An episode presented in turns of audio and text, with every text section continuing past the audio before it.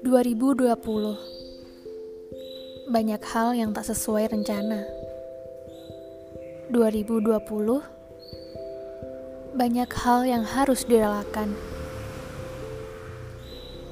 2020 butuh lebih banyak lagi usaha keras. 2020 tidak mudah. Tapi 2020 membuka berbagai peluang kita semua terpaksa keluar dari zona nyaman.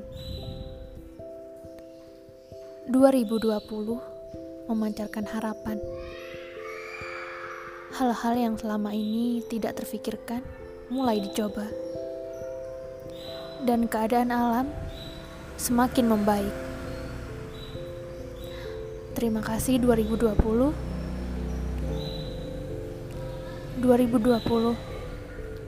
pelajaran yang sangat berharga.